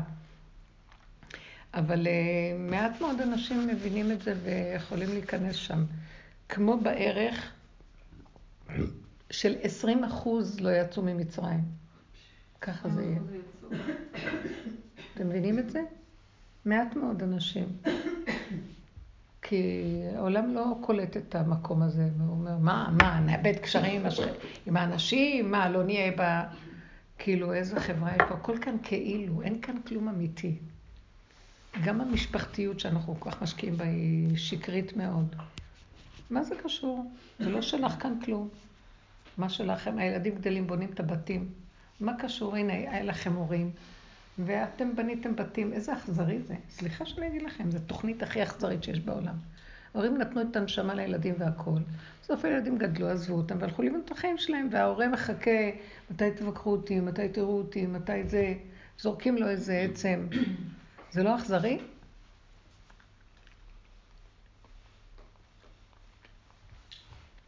הכי אכזרי שבעולם. ולא אכפת לי ש... ש... שהילדים יעזבו, ככה יעשו, יחיו לעצמם, אבל באה אישה ולקחה אותם ממני, עד שגידלתי אותם. וכאילו זה ברור, זה כבר ככה, זה שלה. תקשיבו, זה הזוי. אני כאן המלכה והגבירה, איך זה קרה הדבר הזה? וככה זה התרבות, אני לא, לא, אני מקבלת, ככה זה. זה אכזרי נורא. אתם לא מבינים את זה? מה אתם כל כך מסכימים לזה? מה לא? כן, כתוב על כן יעזוב איש את אביו ואמו, ולקח אישה, זה דין תורה. לעזוב את האימא ואת האבא, ולבנות בית חדש. אז אין לי בעיה. אז יש לי רק בעיה אחת. טיפשה שהשקעת את כל השנים האלה ומסרת את חייך על מי? על העצים והאבנים? אני לא אומרת, אני לא אומרת שלא. אני רוצה שאת תחי עם עצמך ויהיה לך טוב, וחלק מהטוב הזה זה גם שיש לך עוד אנשים מסביב, שאת חיה דרכם, כיף לך לחיות ולטפל, אבל לא שתמסרי את חייך על זה ואחר כך אה, תהיי במרירות. שלמה הם לא מתקשרים ולמה הם לא באים ממנה, כי את אחוזה בהם רגשית. הבנתם? זה שקר מאוד גדול. אז אין לי בעיה. אז אני אומרת, טוב, אם התורה נתנה מצווה כזאת, תורה יודעת מה. גם התורה יודעת, למה היא אמרה שנשים יולדו ילדים וישאירו אותם בשדות במצרים. כי יותר טוב, שיגדלו לבד, למה אני אגדל אותם בסוף הם אה, מה? אתם לא מבינים שיש כאן סוד מאוד גדול. שהשם, זה הדור אחר כך שבא משה רבנו והוציא אותם אה, לחירות. מהמטריקס, מצרים. כי הם היו ראויים לחירות, כי לא הייתה להם אימא. אתם מבינים מה אני מדברת או לא? הם גדלו בלי אימא, אז הם גדלו עם השם, עם האמת. זה מדרש. לא יכול להיות שילדה וזרקה לשדה. אבל, והמלאכים גידלו אותם לפי המדרש. אבל הם באמת, האימהות, כאילו, היו כל כך בצער, וכל כך ב... לא יכלו לסבול את החיים, שהשם לקח אותם מהילדים. ואז הילדים גדלו לבד. והם גדלו יותר טוב. אז יכלה לרדת נשמת משה רבנו, כי הוא, כי הוא אמר, יש לי אנשים שאני יכול, הם יקשיבו לי, אני אהיה איתם, הם שייכים לי. אני אבוא לאנשים שלא לא קולטים משיח יבוא, אף אחד לא יודע מי הוא, מה הוא, לא רוצה לבוא להיות פה, הוא בורח כל פעם. אז ככה צריך לגדל את הילדים. זה קשה, נכון? כי יש לנו סיפוק מזה שאנחנו דואגים, ושיש לנו, כי אנחנו משעמם לנו, אז ממה נחיים? לא דרך הילדים. הבנתם את הנקודה? זה מאוד קשה. אני לא אומרת, צריך ליהנות ממה שיש. זה מאוד מאוד נחמד, אבל גם תחיו כמה מטרים מה, מההרגש. תעשו פעולות, תהנו. זה נחמד שיש אנשים, וגם להם נחמד לבוא, ונחמד לכם לבוא וללכת ולצאת, אבל למה האחיזה הרגשית? ולשבת על המצפון שלהם, ולבכות להם, ולהלל להם, ולהתמסכן. אתם מבינים מה אני אומרת? זה מיותר. אז אין לי בעיה שהשם אומר, צריך להתחתן, לבנות בתים. אז ככל שיש פחות רגש ושייכות, יותר קל לשחרר. אתמול היה לי איזו שיחה עם מישהי שאני עובדת איתה, וסיפרתי לה שהיה איזה תקרית בכיתה, ושהבנות רבו, ולא מספיק הבנתי על מה רבו, הם שאגו עליי, כאילו ממש צעקו, בלי להסביר ובלי לדבר. ואז היא אומרת לי, ואז אמרתי להם, תשמעו, אם אתם לא יכולות לדבר, אני לא יכולה לעזור לכם. או שתפסיקו לצעוק, תירגעו, לא, וזה, וצועקות, ועושות את הרמה וזה. טוב, אמרתי להם, המורה מחר תבוא, ואתם תדברו עם המורה. אז, אז המורה אומרת לי היום בבוקר, שאלתי את עצמי, מה היה קורה אם הם היו מרביצות מכות? אז אמרתי לה, אז היו הורגות אחת את השנייה. כאילו, היא אומרת לי, מה זה השאננות הזאת? כאילו, אמרתי לה, מה את רוצה שאני אעשה? אני יכולה לעשות מה שאני מבינה. מעבר לזה אני לא, לא יכולה לעשות כלום. אז היא אומרת לי, אבל אמרתי לה, את יודעת מה, זו שאלה מעניינת, אני אשים לב לזה. ובאמת היה מכות היום. היא הזמינה את זה. כאילו ממש הזמינה את זה, זה היה מדהים. ואני כזה, אני אומרת לעצמי, וואי, זה לא יכול להיות. וואי, איך העולם סוער. מסכנים האנשים כבר לא יודעים מה לעשות עם עצמם. ואז באמת היה מכות, ואמרתי, מעניין מתי עכשיו היא נכנסת לתמונה. אז היא הייתה אותה מורה במקומך היום? כן, היינו שנינו, פשוט אתמול היא הייתה ביום חופש. אז מה היא עשתה כשהם נתנו מכות? אז, אה, אז חיכיתי באמת, אמרתי, ואני כזה צופה מהצד, ואני אומרת, מעניין מתי כל העניין הזה עכשיו יגיע אליה. בקיצור, היה איזשהו קטע, פתאום ראיתי אותה לוקחת את הילדה שהרביצה, יושבת איתה בחוץ, מדברת איתה, אחר כך באתי לילדה, אני אומרת לה, תגידי, זה היה ברור לך מה שהמורה אמרה? אז היא כזה עושה לי כזה ככה, כאילו, לא, אה, כאילו אני כמו... אני, אני, אני כמו חברה איתם בכיתה, אני לא ממש איזה דמות שהן יכולות לפנות אליי בבעיות כאלה, כי בכל זאת ההנהגה היא שלה. אז, אה, אז, אז לא הבנתי אם באמת אה, היא צריכה להבין שלא מרביצים ולא זה, יש לה את הטבע הזה שהיא רוצה עכשיו להחטיף למישהי, כי לא מתאים לה ההתנהגות שהיא רואה. ואני באתי מהמקום הזה ואמרתי לבנות, תקשיבו בנות, אם אתן רואות שהיא מרביצה, גם אתן מרביצות, אז או שתבואו ותגידו לה, תשמעי, זה לא הדרך שלנו, אנחנו לא מתאים לנו שתרביצי לנו. ממש ככה בדיבור הזה. או שפשוט תקבלו עליכם לא להרביץ לה, כי היא לא סתם מרביצה. אז אה, והם כזה הסתכלו עליי ככה, חשבו, נדבקו כזה אחורה, לא הבינו מה, מה אני אומרת, אבל הקשיבו. היה שם הקשבה ממש. כי דיברת בשפה פשוטה. כן, כן. כמו שאת אחת מהן. כן. נחמד, דווקא רעיון טוב. זה לא אני בכלל. לא בתור מורה שלוקחת אותם לחינוך או ל... ככה דיברתי עם הנכד שלך, לא? סיפרת לנו שככה דיברתי עם הנכדה, או... כן, דיברתי איתה כמו ילדה קטנה, שרק ככה היא יכולה להבין, מהמקום שלה, לא מהמקום שלי כמורה שבאה מלמעלה ומדריכה ומחנכת. הם לא מבינים את השפה הזאת של המוסר הזה שבא מגבוה ומתלבש במילים יפות, ושיש אה, דרך בחיים. זה, אני אגיד לכם את האמת, הם מסתכלים על המורה ועל ההורה, ויש צער לבני אדם, לילדים האלה, כי הם זה רובד אחר. הם באים מהיצריות, הם באים מהצרכים שלהם ששולטים בהם, והם הכי אמיתיים, ואת באה לי מאיזה... אני לא מבינה מה את אומרת, הם לא יגידו כלום, מנסים להבין. ככה מחנכים את הדור. מהתרבות, יש, יש פער גדול בין הנקודה של המבשרי לבין הנקודה של איך זה היה צריך להיות. ומה שכאן היא מציירת זה כאילו, תבואי אליה מהמקום שאת מבינה אותה, היא, אל תגידי לה מה לעשות, תבואי מהמקום שלך. אני באה לילדה ואני אומרת לה, היא רוצה משהו, והיא מתפנקת עליי, ומאוד ברור שיפנקו אותה, כי ככה מגדלים אותה. ואני באה ואני אומרת לה, לא, לא בא לי, לא רוצה. כאילו, תביאי לי את זה, תעשי לי את זה. לא, אני לא רוצה.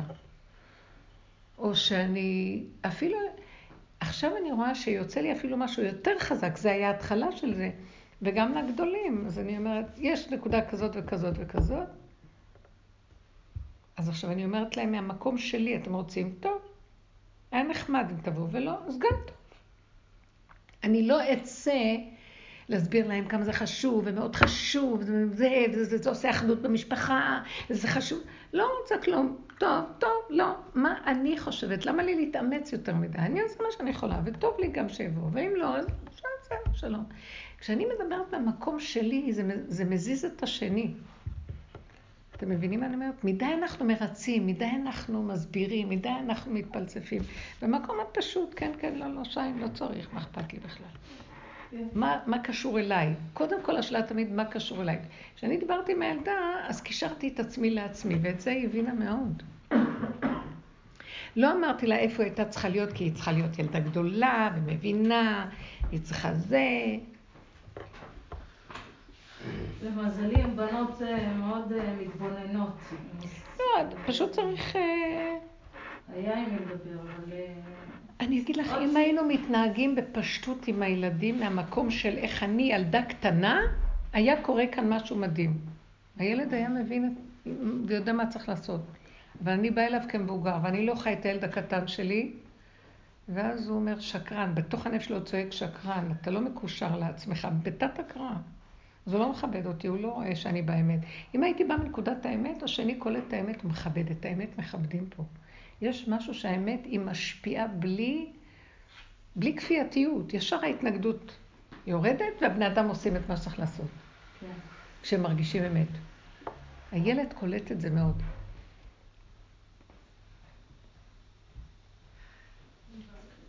לעומת זה, הייתה שיחה, אה, דיברנו על המשכן ועל המנורה, אז שאלתי את המורה, בתור כאילו תלמידה, בעצם למה השתנתה המנורה מהמצב הזה למצב עגול, כאילו, למה השתנתה הצורה שלה? את יודעת להגיד? את יודעת... אה, לא ידוע בדיוק איך זה היה. יש שיטות. רש"י יש לו שיטה שזה ככה. אה. באמת מעניין, התחריט של טיטוס, ניצחון, שער הניצחון, זה המנורה העגולה, מה שהם לקחו מבית המקדש. לא, אני לא יודעת על מה רש"י מבוסס, הוא מבוסס על מה שכתוב בתורה. אז הוא מבסס שזה היה השיטה כזאת. אז בגלל שאין לנו את הדברים, כי עברו אלפיים שנה ולא ברור לנו, בגלל הפער הזה יש שיטות. לא ברור. מה שנשאר לנו, שכתוב בתורה, זה את העיקרון. הצורה שלו יכולה להשתנות. מבינה? כן. סתם, אז השיחה התגלגלה ככה בצורה כזאת שהבנות אה, באמת, אה, באמת כמו שאת אומרת, כשאתה מדבר מהמקום אה, של הילד, של הילדה, אז באמת מתגלים שם דברים מאוד מעניינים. ואז אני כזה פותחת את הספר, ואנחנו רואים את צורת המנורה, וככה התקבצו סביבי איזה כמה בנות, ואז ילדה אחת אומרת, כשמשיח יבוא אנחנו נדע מה העניין המנורה. איזה מותק. אז, אז אמרנו לה, אבל, אז אני אמרתי לה, סתם זרקתי, אמרתי לה, שמעתי שמשיח כבר פה. אז היא אומרת, כן, כן, כן, הוא פה, הוא פה, הילדים בגן של אמא שלי, הם ילדים קצת אה, כאלה, כאילו, והיא עושה לי עם העיניים. אוטיסטים, כן. הם כאלה, אני לא יודעת להגיד, אז הם כאלה, אז אמרתי לה, נו, ואז היא אומרת, אז יש להם רגע כזה ביום שהם אומרים, משיח פה, משיח פה, משיח פה. אוי, איזה מותק, משמח. וואי, נחמד, נחמד. כן. טוב, אמרתי לה, טוב, יאללה, צאו להפסקה. אולי הוא בחצר.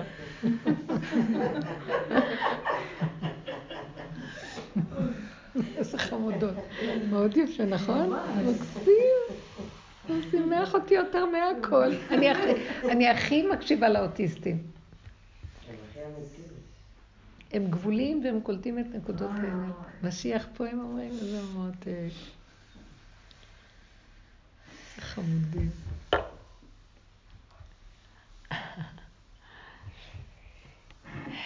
כבר נגמרה העבודה בנו, תשמרו על עצמכם. עכשיו זה רק ביני לביני. כל הקשר הזה צריך להיות ביני לבין עצמי חזק.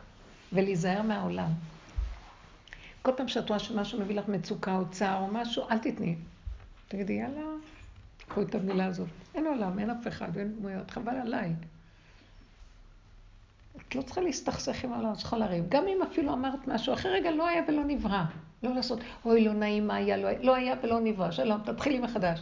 תהיי חזקה. צריכים לעשות שריר בלב ולהיות חזק שם. ככה. הבנתם? חזק. זו תרבות חלשה של מוח, כל רגע נשברים. לא. כל רגע מתחדשים ואין שבירה. כאילו אם נפלנו קמנו, מה קרה? לא קרה כלום. בסדר גמור הכל. זה המקום שלנו בתוך כל המקום שאנחנו צריכים עכשיו, זה כלי הכנה מאוד מאוד גדול למשיח.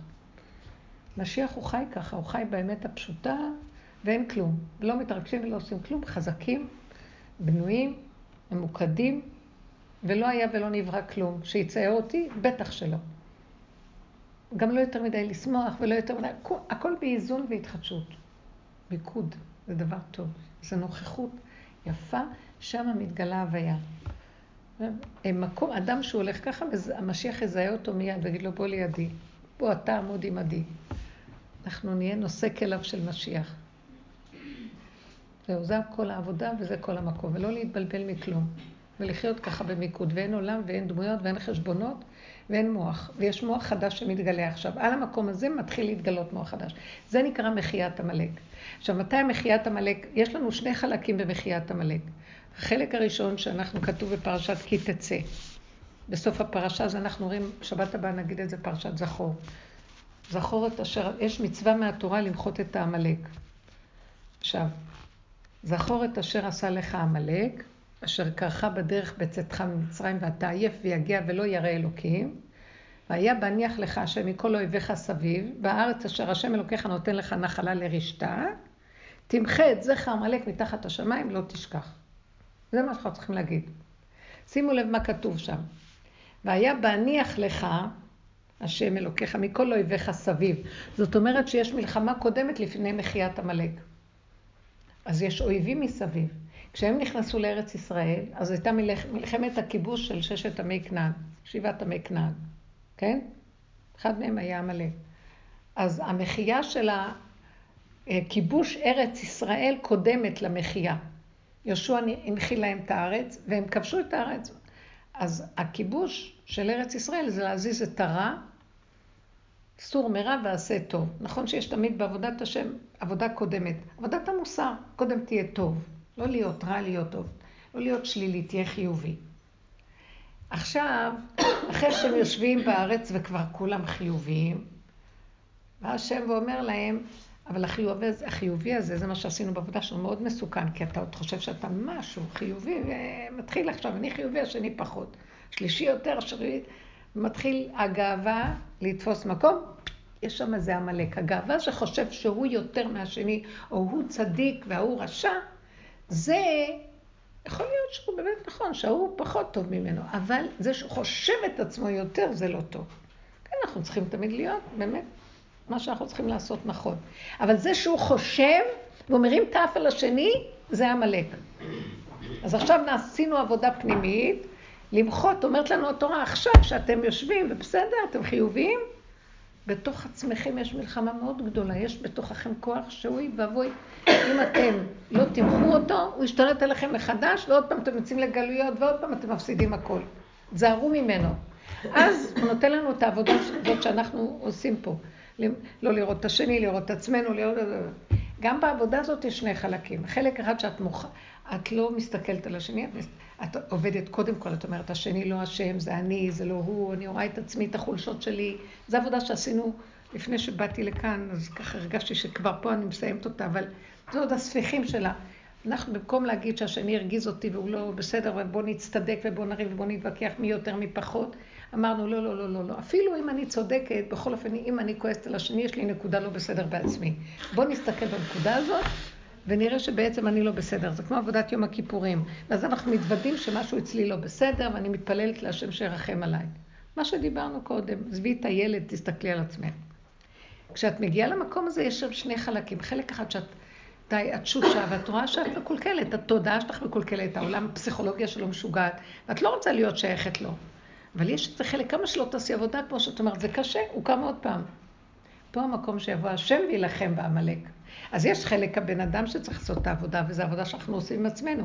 תהיו חזקות, אל תיתנו ממשות, ואל תעשו זה, ותראו, תחזרו פנימה, ותוותרו על הרגש שבתפקידים, ותוותרו על האחיזה, ועל הגאווה, ועל הגדלות, ותגידו קודם כל אני, ולא לא ייגרע מכם מהומה. אתם תשארו אימהות, הבית יישאר, לא צריך לפרק. אבל תפרקו את הרגש ואת האחיזה ואת הדמיון, שהפסיכולוגיה של התרבות פה. והחלק הבא, שאת מגיעה לגבול, והוא עוד פעם קם לך, את אומרת, לבנו שלמה, אני לא יכול, אני כבר לא יכול, תשש כוחי, כמה אני יכול להילחם? תרחם, תעזור לי. אז יש בפרשת בשלח, בסוף הפרשה, פרשת שירת הים, כתוב אה, בסוף הפרשה שמשה אומר ליהושע, לך להילחם עם עמלק, ויושב משה עם ידיו למעלה, ואהרון וחור מחזיקו אותו משני הצדדים, והוא מתפלל עד שעמלק ייפול. יהושע והעם החלישו אותו לפי חרב. אז כתוב שם שהשם אומר להם, כתוב זאת באוזני, שים זאת לספר זיכרון, וכתוב זאת, אה, שים זאת באוזני יהושע, וכתוב בספר זיכרון, כי מחו אמחה את זכר עמלק מתחת לשמיים, יד על כס קם, מלחמה להשם בעמלק מדור דור. אז פה בסוף זה מה שאנחנו עכשיו עובדים. אל תפריעי להשם להיכנס להילחם לך. את רוצה שהוא יילחם לך, ושאת לא תצטרכי את כל הסערה הזאת, כבר את לא יכולה יותר להכיל אותה, כי גדול עלינו, כבר אין לנו כוח, והוא ממשיך. כמו שהיא אמרה, קשה. אז תיכנסי עם הפנים שלך לגולם שלך ואל תוציא אותו החוצה. שם בין הרווח הזה לזה, הוא ייכנס ועם, והוא ימחה את זה. אז זה התהליך השני, ועכשיו הוא קורא התהליך הזה. התהליך הזה עכשיו זה כבר לא המחיה שאנחנו צריכים למחות. לי ברור מאוד שעכשיו זה רק השם. אנחנו לא יכולים לעשות יותר כלום. כמה עבדנו? אז מה אנחנו כן יכולים לעשות? לא להפריע לו. להיות בגולם חזק ולא לתת לו לצאת. מבינים מה אני מדברת? לא לצאת. להגיד, אני לא יכול, זה מה שאני אומר. כלומר, בוא נגיד, את אומרת משהו למישהו, כמו שאמרתי לאותו אחת, את לא תרחמי עכשיו. אם את מרחמת על בעלך במקום הזה ואת לא קשורה עם נקודה שלך, את תישברי לרסיסים, תמותי, הוא לא ישים, כי הוא לא רגיש. אז עכשיו אסור לך לרחם. התחלתי לצעוק לה, אסור לך לרחם, הרחמי שלך זה רחמי אכזרי. את מתאכזרת על עצמך, גם מתאכזרת עליו, הוא לא ילמד אף פעם. את צריכה פשוט לסובב את הפנים שלך לעצמך ולהגיד, אני הולכת. נקודה, שלום. בלי חשבונות, בלי כלום, בלי להבין, בלי לדעת, בלי כלום, לכי. נגמר השלום בית, נגמר אה, תחבולות, נגמר התחמונים, נגמר הסיבובים, נגמר, נקודה וזהו. כי אני ראיתי אותה שהיא על הגבול, אני ראיתי שהיא בסכנה, אני ראיתי שהיא כבר עברה את הרצוי שכבר זה, זה דוחה, לפי הסיפור. אז נשאר מקום אחד רק להגיד, טוב, אם ככה, אני... עכשיו, תלכי מהנקודה שלך ואל תפחדי כלום. המקום הזה שאנחנו הולכים חזק עם הנקודה, בלי לראות ממילימטר כלום, זה המקום שהשם נכנס ועושה את הישועה. אני בטוחה שיתקבל ישועה אם היא תלך ככה. ומשהו יזעזע בו. כי אפילו שנניח הוא נסע לחוץ לארץ, ו... אבל היא עוד רודפת אחריו בפסיכולוגיה שלה. אבל אם היא תקבץ את כל הכוחות שלה פנימה ותנעל, שם ייכנס כוח שיטפל בו. ואז הוא יבין. ויבין לבבו ושב ורפא לו. השם יחתוך את השורש הזה, פורה ראש ולענה שיש בו, הנוקשה הזה שהיא כל כך סובלת ממנו, הוא לא רגיש. אתם מבינים מה אני מדברת? כי זה משהו מנותק. הוא לא קולט. יש כל מיני מקרים. היא ככה תעזור לו, היא בעצם עוזרת לו על ידי זה. והוא לא רוצה להיפרד ממנה עד שהיא לא תעזור לו. כלומר, הם לא צריכים להיפרד.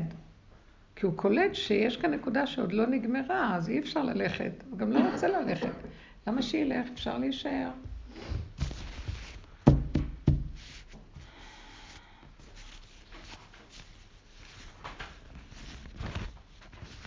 מישהי סיפרה לי ש... אתם יודעים מה? משהו? אח של רות נפטר היום, נכון? אנחנו אומרים לעילוי נשמתו. עכשיו, הוא שכב שם הרבה זמן, מיוסר ברמות שזה לא לתאר. אין, חנוק מכל הכיוונים, לא יוצא מפה, לא יוצא משם, הכל חנוק. כאבי תופת ומסומם כל הזמן, לא עלינו, רחמנא ליצלן. במצב מאוד מאוד קשה. והיא מתקשרת אליי ובוכה לי הרבה פעמים, מה יהיה, מה יהיה, הלב שלי ואני נגמרת ואני נשברת וזה, ומשפחה וכולנו וזה, ואנחנו שבורים, ואנחנו שבורים ושבורים. עכשיו, כל פעם שאני, אז אני אומרת לה, את הולכת לאיבוד רגשית. תקשיבו, אני לא אכפת, אני מדברת ישר ולעניין, את הולכת לאיבוד רגשית. את יכולה, היא אומרת לי, מה אני יכולה לדבר איתו, שיתחזק, שזה אמרתי לה, הוא לא פה. זה לא הזמן לדבר איתו על שום דבר. את יכולה לשבת לידו ולהגיד תהילים, ולדבר עם השם, בשבילו. זה לא זמן להגיד לו, תעשה ככה, לא תעשה ככה, הוא לא, הוא מסומם לגמרי, כל הזמן היה. אז, אז כל פעם מספרת לי כמה המצב כל כך גרוע, וכמה היא שבורה לראות, וכמה היא שבורה. עכשיו, אני אמרתי לה, תקשיבי, הבן אדם הזה סובל ברמות שאין לכם מושג אפילו. הוא כלוא בגוף, והנשמה שלו מפרפרת, והוא בסבל מאוד מאוד מאוד גדול. ואתם לא נותנים לו לצאת מפה. והיציאה שלו זה גאולתו. נכון שכתוב, אפילו חרב מונחת על הצוואר, עליתי אש מן הרחמים. ברמה הזאת שהוא כל כך סובל, תקשיבי ותדברי עם בורא עולם. או שאתה נותן חיים טובים שאפשר לחיות, או שתגאל את הבן אדם מהמצב הזה. ואמרתי לה, את לא יכולה רק להגיד להשם מה לעשות, כי השם יכול להקשיב לך, הוא יכול לעשות הכל. אבל השם אומר, אני רוצה שאת תתני לי אפשרות שדרכך זה יקרה. בזכות הבחירה, שאת תעבדי נכון, את תאפשרי את המצב נכון. אז אמרתי לה, שבי לידו, ותקראי את כל הווידוי דברים שאדם קורא בשינה לפני שהוא הולך לישון. גם קוראים את זה לבני אדם שנמצאים. תקראי את הקריאת שמע, ותקראי את כל הווידוי דברים, ותקראי תהילים, ותקראי זה, ותקראי זה, ותדברי עם עצמך, תדברי עם השם בשבילו. על הצער של החיים ועל הכאבים, ותדברי להשם על עצמך, שאת משחררת את האחיזה הרגשית, כי האחיזה הרגשית הזאת לא נותנת לו, והוא בסבל, אתם פשוט חושבים שאתם, יש לכם רחמים. זה פשוט רחמנות עצמית על עצמכם, אבל איזה חיים זה, הוא לא חי ואתם מתים, אז אף אחד לא... זה לא נורמלי. אז שחררי, תעבירי את זה להשם, החיים לא שלנו והעולם לא שלנו ואין לנו בעלות על אף אחד. ואם יש רחמים, זה רק השם יכול לרחם, ושאם הוא רוצה לעשות, יכול לעשות תחיית המתים בשנייה. שיעשה מה שהוא רוצה, אבל את צריכה לעזור לשחרר את עצמך, תשחררי. כשאת עושה את הדבר הזה, תשחררי. אמרתי לה, גם תשחררי את הנפש שלך. את כל הנפש הדיכאונית שלה, שלך גם כן, כל החרדה הזאת והדיכאון הזה והסערה הזאת. והבהלה הזאת שיש לכולנו בעולם הזה. שלא נדע. ובאמת, היא אמרה שהיא עשתה ככה ולקח כמה ימים והוא יצא מהעולם. כי באמת, אני אגיד לכם את האמת, הרבה סובלים, וזה כבר קרה לי עם כמה אה, נשים מהשיעורים, ש... שהאימא הייתה במצב כזה, או מצבים כאלה, שהייתה לי אחת ששכבה ככה עם החודש, והסבל היה לא נורמלי, היא אומרת לי כבר, המשפחה לא יכולים לסבול כבר לבוא, כבר, זה לעשות כל הזמן את זה, וכולם, אז אני אומרת, אז אני אומרת, ישר אני רואה האחיזות הרגשיות, הסערה והבהלה, ואז בסוף מגיעים למצבים של כל כך הרבה צער, שזה לא שווה לאף אחד וזה לא טוב לנשמה, לא טוב לאף אחד. וכל העבודה שלנו, אנחנו צריכים להרפות מהשני ולהסתכל עם הפנים לעצמנו ולעזוב את העולם לבורא עולם. זה הדבר הכי טוב שיש בעולם. אני, אני פשוט יודעת שהרחמים הכי גדולים זה מה שהשם עושה. שאנחנו נאחזים, הילד ככה והבעל זה וזה ככה, ולא נותנים לשחרר. אז לא יכול להיכנס משהו שישחרר וירפא, ויסדר את המצב. ויכול להיות שהוא גם יגיד, הריפוי הכי גדול זה לצאת מפה, זה לא מתים, יוצאים לתודעה אחרת. אני לא מרגישה שמתים בכלל. הולכים לתודעה אחרת, איפה שזה מתאים וזה נכון. אם החיים טובים, למה לא? זה אדם צריך תמיד להגיד, אתם מבינים? אז העבודה שלנו היא כל הזמן לשחרר אחיזות ולהזמין את הבורא עולם להיכנס בינתיים, בין זה לזה. וזה חכם מאוד. תרפו מהכל, מה יש כאן? מה השיגעון הזה פה בכלל? זה לא רוצה, אז לא צריך, אבל אתם תעשו מה שאתן צריכות ביניכם לבין עצמכם. לפעמים זה נראה שזה פוגע בשני. אם יש נקודה מאוד מאוד אמיתית שהיא שייכת לך, והשני יגיד, אבל זה פוגע בי, אם את עושה לעצמך טוב, אני נפגע, תעשו לעצמכם טוב, ואל תשגיחו על השני. שמעתם? תקשיבו לי טוב טוב. כי כל טוב שיש לשני תמיד נובע מזה שקודם כל טוב לי. אתם מבינים מה אני אומרת? אם לי יהיה רע ולשני טוב, חיי קודמים. זה החוק של החיים. וככה השם ברא את זה בעולמו. שהאחדות של אדם מעצמו לעצמו היא המדרגה הכי גבוהה שיש. ואדם אוהב, מחבב את של עצמו יותר מכל דבר אחר. וזה החוק שהשם טבע בעולמו. שיהיה חיבור של אדם לעצמו. זה האחדות והאמת הכי גדולה. ומה שעשה עץ הדת אומר, לא, תיתן קודם לשני, ואתה לא נורא, העיקר השני. זה השקר כמובן, אבל זה אכלנו מהעץ הזה, ואנחנו צריכים ללכת בשקר הזה, עד שאני מאס יום אחד תגיד, אבל קודם כל אני, חבר'ה, מה קורה פה? אז האחדות של האדם עם עצמו ושטוב לו, מזה כל העולם סביבו חי טוב. ובדיוק הפוך. לא, אני לא חשוב, תדרכו עליי, העיקר שאני עושה בשבילכם. אתם חושבים שההוא מתחיל להיעלל ולהגיד מה נתתי לכם, מה החזרתם לי, לא החזרתם, ממסכן את כולם, יושב על המצפון של כולם, שלא יבלבל את המוח. חושב שהוא איזה גדול, אבל הוא בדיוק הפוך. אז לכן לכו עם האמת, ולא חסר דבר. זה מאוד חשוב הדבר הזה. וזו התודעה החדשה שנכנסת היום לעולם. מה עשיתי לך רע? אני עושה טוב לעצמי. מה נגרע ממך? כן, אבל זה פוגע בי. אם פוגע בך מה שטוב לי, אז uh, הדמיון שלך פוגע בעצמך. מבינה מה אני מתכוונת? זה אתה בדמיון שלך מסדר מה אני צריכה לקרבן שלך. לא, אתה תחיה וגם אני אחיה, כולנו נחיה. למה? מה זה קשור? שאני אמות ואתה תחיה, או שאתה תחיה ואני אמות? לא. לא אמות כי אחיה, אומר דוד המלך. וזה חוק האמת. עכשיו מתחיל להתגלות יסוד האמת, זה יסודו של משיח אמת. אמת פשוטה. כולם יחיו ויהנו. לא, את צריכה למות כדי שאני אחיה, ואתה צריך לתת, הילד צריך לחיות, כי האמא אה, מוסרת את נפשה. נגמר, אין כבר מה למסור. אין כבר כוח למסור. הנפש נגמרה, הוואי אבדה נפש. הנפש עבדנו עליה, מסרנו הרבה, כי הנפש יש לה הרבה מותרות, מידות לא טובות בנפש. נגמר, מסרנו את הכל, העלינו את כל הקורבנות, לא נשאר כוח כבר לכלום. עכשיו אם תמסרי את מה שאין לך, תתחייבי בנפשך, אוי ואבוי לך. אתם מבינות? זה מהלך חדש עכשיו. אתם אתם קולטות אותי אשריכם, ותלכו כך, גם אם לא קלטתם, הנשמה קולטת. זה יעבוד עליכם, הדיבורים האלה. כן, כי זה דיבורים עכשיו של אמת וזהו. תאפשרו למשיח להתגלות. הוא מתגלה שיש אמת, פשוטה, בלי חשבונות. אל תעשי חשבונות את. איך לס- לסדר את העולם. מישהו יסדר לך אותו. תחי טוב עם עצמך, משם יבוא ישועה לעולם. הבנתם? זה הכלל החדש עכשיו. למעני למעני אעשה השכינה אומרת. ומשם בא כל הברכה לעולם. עוז וחדווה במקומו. בשכינה יש שמחת, ומהשמחה שלה כל העולם שמח.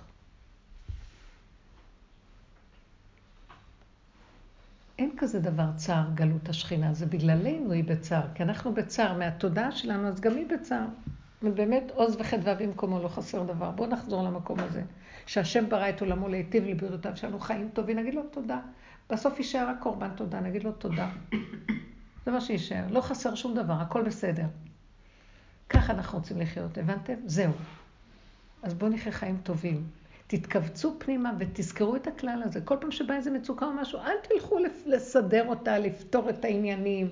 תכנסו בפנים, תגידו, לא שווה לי. השם, זה, קט... זה גדול עליי, אני קטנה. אני ילדה קטנה רוצה לחיות, ליהנות, לשמוח, מה קרה פה? הש... השם ברא את העולם והכל שלו, הוא יכול לסדר את הכל בשנייה. מופיע, יש ישועות. הרבנית, לפי השיטה של העבודה הזאת, איך, איך מתייחסים להאשמות? כאילו, זה שייך לעץ הדעת. אם מישהו בא ומאשים אותי, השיטה הזאת שייכת כבר לנאורות אחרת. אל תחזירי אותי אחורה, בבקשה. אה, מישהו יאשים, שיאשים עד מחר. מה זה השם? אין שם השם. יש לא, לילדה השם. ילדה קטנה באה ואומרת לך, את אה, זה, את עשית את זה, בגלל זה ככה וככה. עכשיו, בדרך שאנחנו עומדים, אם מישהו מאשים אותי, לרגע אני רוצה להגיד לו, מה פתאום זה לא אני רוצה להצטדק? אז אני שותקת ואומרת, טוב. תסתכלי ותראי, יש נקודה ששייכת לך שמה שאת יכולה לראות אותה. תעשי עליה תשובה. את יכולה להתוודות עליה, אחרי רגע תגמרי וזהו. אל תעשי עניין גדול מזה, עולם התשובה כבר נגמר, אין תשובה כבר. עשו כבר תשובה. עכשיו, אה, תשובה זה אליהו הנביא יבוא- יבוא לעזור לנו לחזור בתשובה, לקחת את התודעה של המוח הזה ולהחזיר אותו אחורה אחורה ולהגיד, כמו יום כיפורים, עד שכבר אין לך כוח לעשות על חטא ועל חטא ועל חטא ואת חטאתי, אביתי, כבר לא יהיה לנו כוח. סלח לנו, מחל לנו, כפר לנו, נגמר לנו הכוח הזה כבר. וכשאת מגיעה למקום הזה שנגמר, יבוא משיח. זו תודעה חדשה. עכשיו אנחנו בתודעת משיח, לא בתודעת התשובה. אבל את עוד מחזירה אותנו לעולם של אתה אשם, לא אשם, כן אשם, אז תגיד, אבל אשמים אנחנו. בסדר, אני שומעת, אתה מאשים אותי, לא תגיד, אבל אתה לא בסדר. אה, אני שומעת. יכול להיות שגם הוא לא בסדר, אבל גם אני לא בסדר. אז בואי קחי את מה שאת. תסתכלי על עצמך. מבינה, קחי את זה, תפרקי, תראי מה. הילדה היא רק אה, הרמקול של השם. פשוט אה, הוא שלח אותה כדי שתראי את עצמך. זו עבודה שעשינו הרבה זמן. אתן זוכרות, הייתן באות הרבה לשיעורים האלה. חמודה. אפשר לשאול משהו? כן, את אומרת שהכל, כאילו, שהרבה דברים זה סרק ולהיות במקום מאוד מדויק. כן. איפה עובר הגבול של אה, כאילו להרגיש שהכל חסר טעם לבין נכון. לדעת לקחת את הדברים ולייצר נכון. מזה משהו... מאוד מאוד שאלה טובה, ואנחנו הרבה עבדנו על זה, כי באמת את צודקת. אנחנו חיים בתודעה של העולם. כן, בתודעה של העולם אנחנו חיים מהרבה דמיון, וסידרנו לנו הרבה ריגושים, והרבה סיפוקים, והרבה נקודות שמהם אנחנו חיים בדמיון שלנו. וברגע ש... כמו שנגיד, אנחנו עושים טעם לכל דבר, טעם לאוכל, טעם ללבוש, טעם זה... זה סרק כזה, אבל מזה אנחנו חיים. כשאנחנו מתחילים לעבוד ולראות כמה סרק, כמה סרק, כמה סרק, יורד הטעם של החיים, היא צודקת. משהו, את לא זוכרת, היינו מרגישים כמו שיממון, עוברים מדבר שממה. מהמקום של הריגושים, ו... אין לזה שום טעם. אין טעם. אז מה עושים בתחושה? הזאת? כי למה? כי אנחנו מפרקים את השקר. אז עכשיו באמת, השקר, אנחנו חיים בשקר ומתפוצצת בועת השקר, אז התחושה היא מדבר. אז עכשיו יש משהו שאת צריכה לשמוח קודם כל של מה התפוצץ לך. לא התפוצץ איזה משהו של אמת, התפוצץ שקר. אז אה, לא נורא אם לשעתו, בגלל שהתרגלנו כל כך לחיות על הסיפוקים והריגושים והדמיונות, התדמית הזאת, אז יש תקופה של שיממון. ברבות, אני זוכרת שהיינו מדברים להשם, הייתי אומרת לבנות, תדברו, ריבונו שלום, קשה לי להכיל את המדבר הזה, זה שממה. נכון שאני עושה עבודה מדהימה, ואני באמת לא רוצה לחזור למצרים. הוצאת אותי ממצרים, איך הם בכו? הוצאת אותנו מסיר הבשר, איפה השומים והבצלים והדגים שזכרנו, שאכלנו שם, הוצאת אותנו למדבר. זה הצעקה הזאת. אז השם עטף אותם בענני כבוד. משה מתפלל עליהם, והוא מסביר להשם, אבא, קשה להם, מסכנים, עבדים שיצאו, קשה להם. אז הוא עטף אותם בענני כבוד. כלומר, הייתי אומרת לו, אבל מאוד קשה לעבור את המעבר הזה. אני באמת מחפש את האמת, וזה תהליך קשה. זה ללא כחל וסרק עכשיו להישאר ריק, וזה מאוד קשה. זה מהמם. זו שאלה מאוד טובה. ואז הייתי מרגישה פתאום שמשהו עוטף אותי, כאילו אני במדבר, אבל משהו עוטף אותי שאני לא ארגיש את השיממון. ומשהו קטן בחיי אותי, מתוק לי, טעים לי כאן ועכשיו. התודעה נהייתה קטנה, ולא הרגישה את השיממון ואת הריק. עד שאנחנו מגיעים לגולם, ובגולם נגמרת הישות. הישות של עץ הדעת היא ה... כאילו החינגה הגדולה שיש פה, ההוללות. פתאום לקחו לך אותה ואת נשארת גולם. אבל יש משהו, כשיורדת התודעה הזאת, הגולם לא מרגיש משעמם, כי אין לו מוח שמפרש שיממון. כל עוד יצאנו ממצרים ויש לנו עוד את הרשימו של המוח של מצרים, מרגישים שיממון. כשאת, הוא לוקח בסוף גם את ענני הכבוד, ואת נכנסת לגולם, והגולם, הגולם, הוא לא יודע. אם אדם לא יודע, אין לו צער. כשאדם יודע וחסר לו משהו, אז יש לו צער. אבל כשהוא לא יודע, האוטיסט לא יודע את מצבו, כיף לו.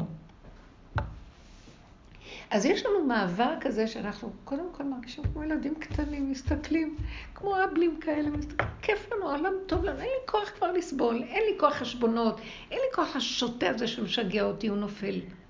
גם סיפוקים וריגושים נפלו, אבל שקט לי, טוב לי, ואני מקבלת מה שצריך, כמו ילד תינוק קטן שמניקים אותו, וטעים לו, נעים לו כאן ועכשיו, הכל קטן. זה זה הביניים לפני שמתחילה להגיע תודעה, אור חדש מתחיל לרדת, אבל זה הכלי עליו הוא יכול לרדת. צריכים להיות כמו אוטיסטים כדי שירד אור חדש. לא סתם שולחים את כל האוטיסטים היום בדור הזה.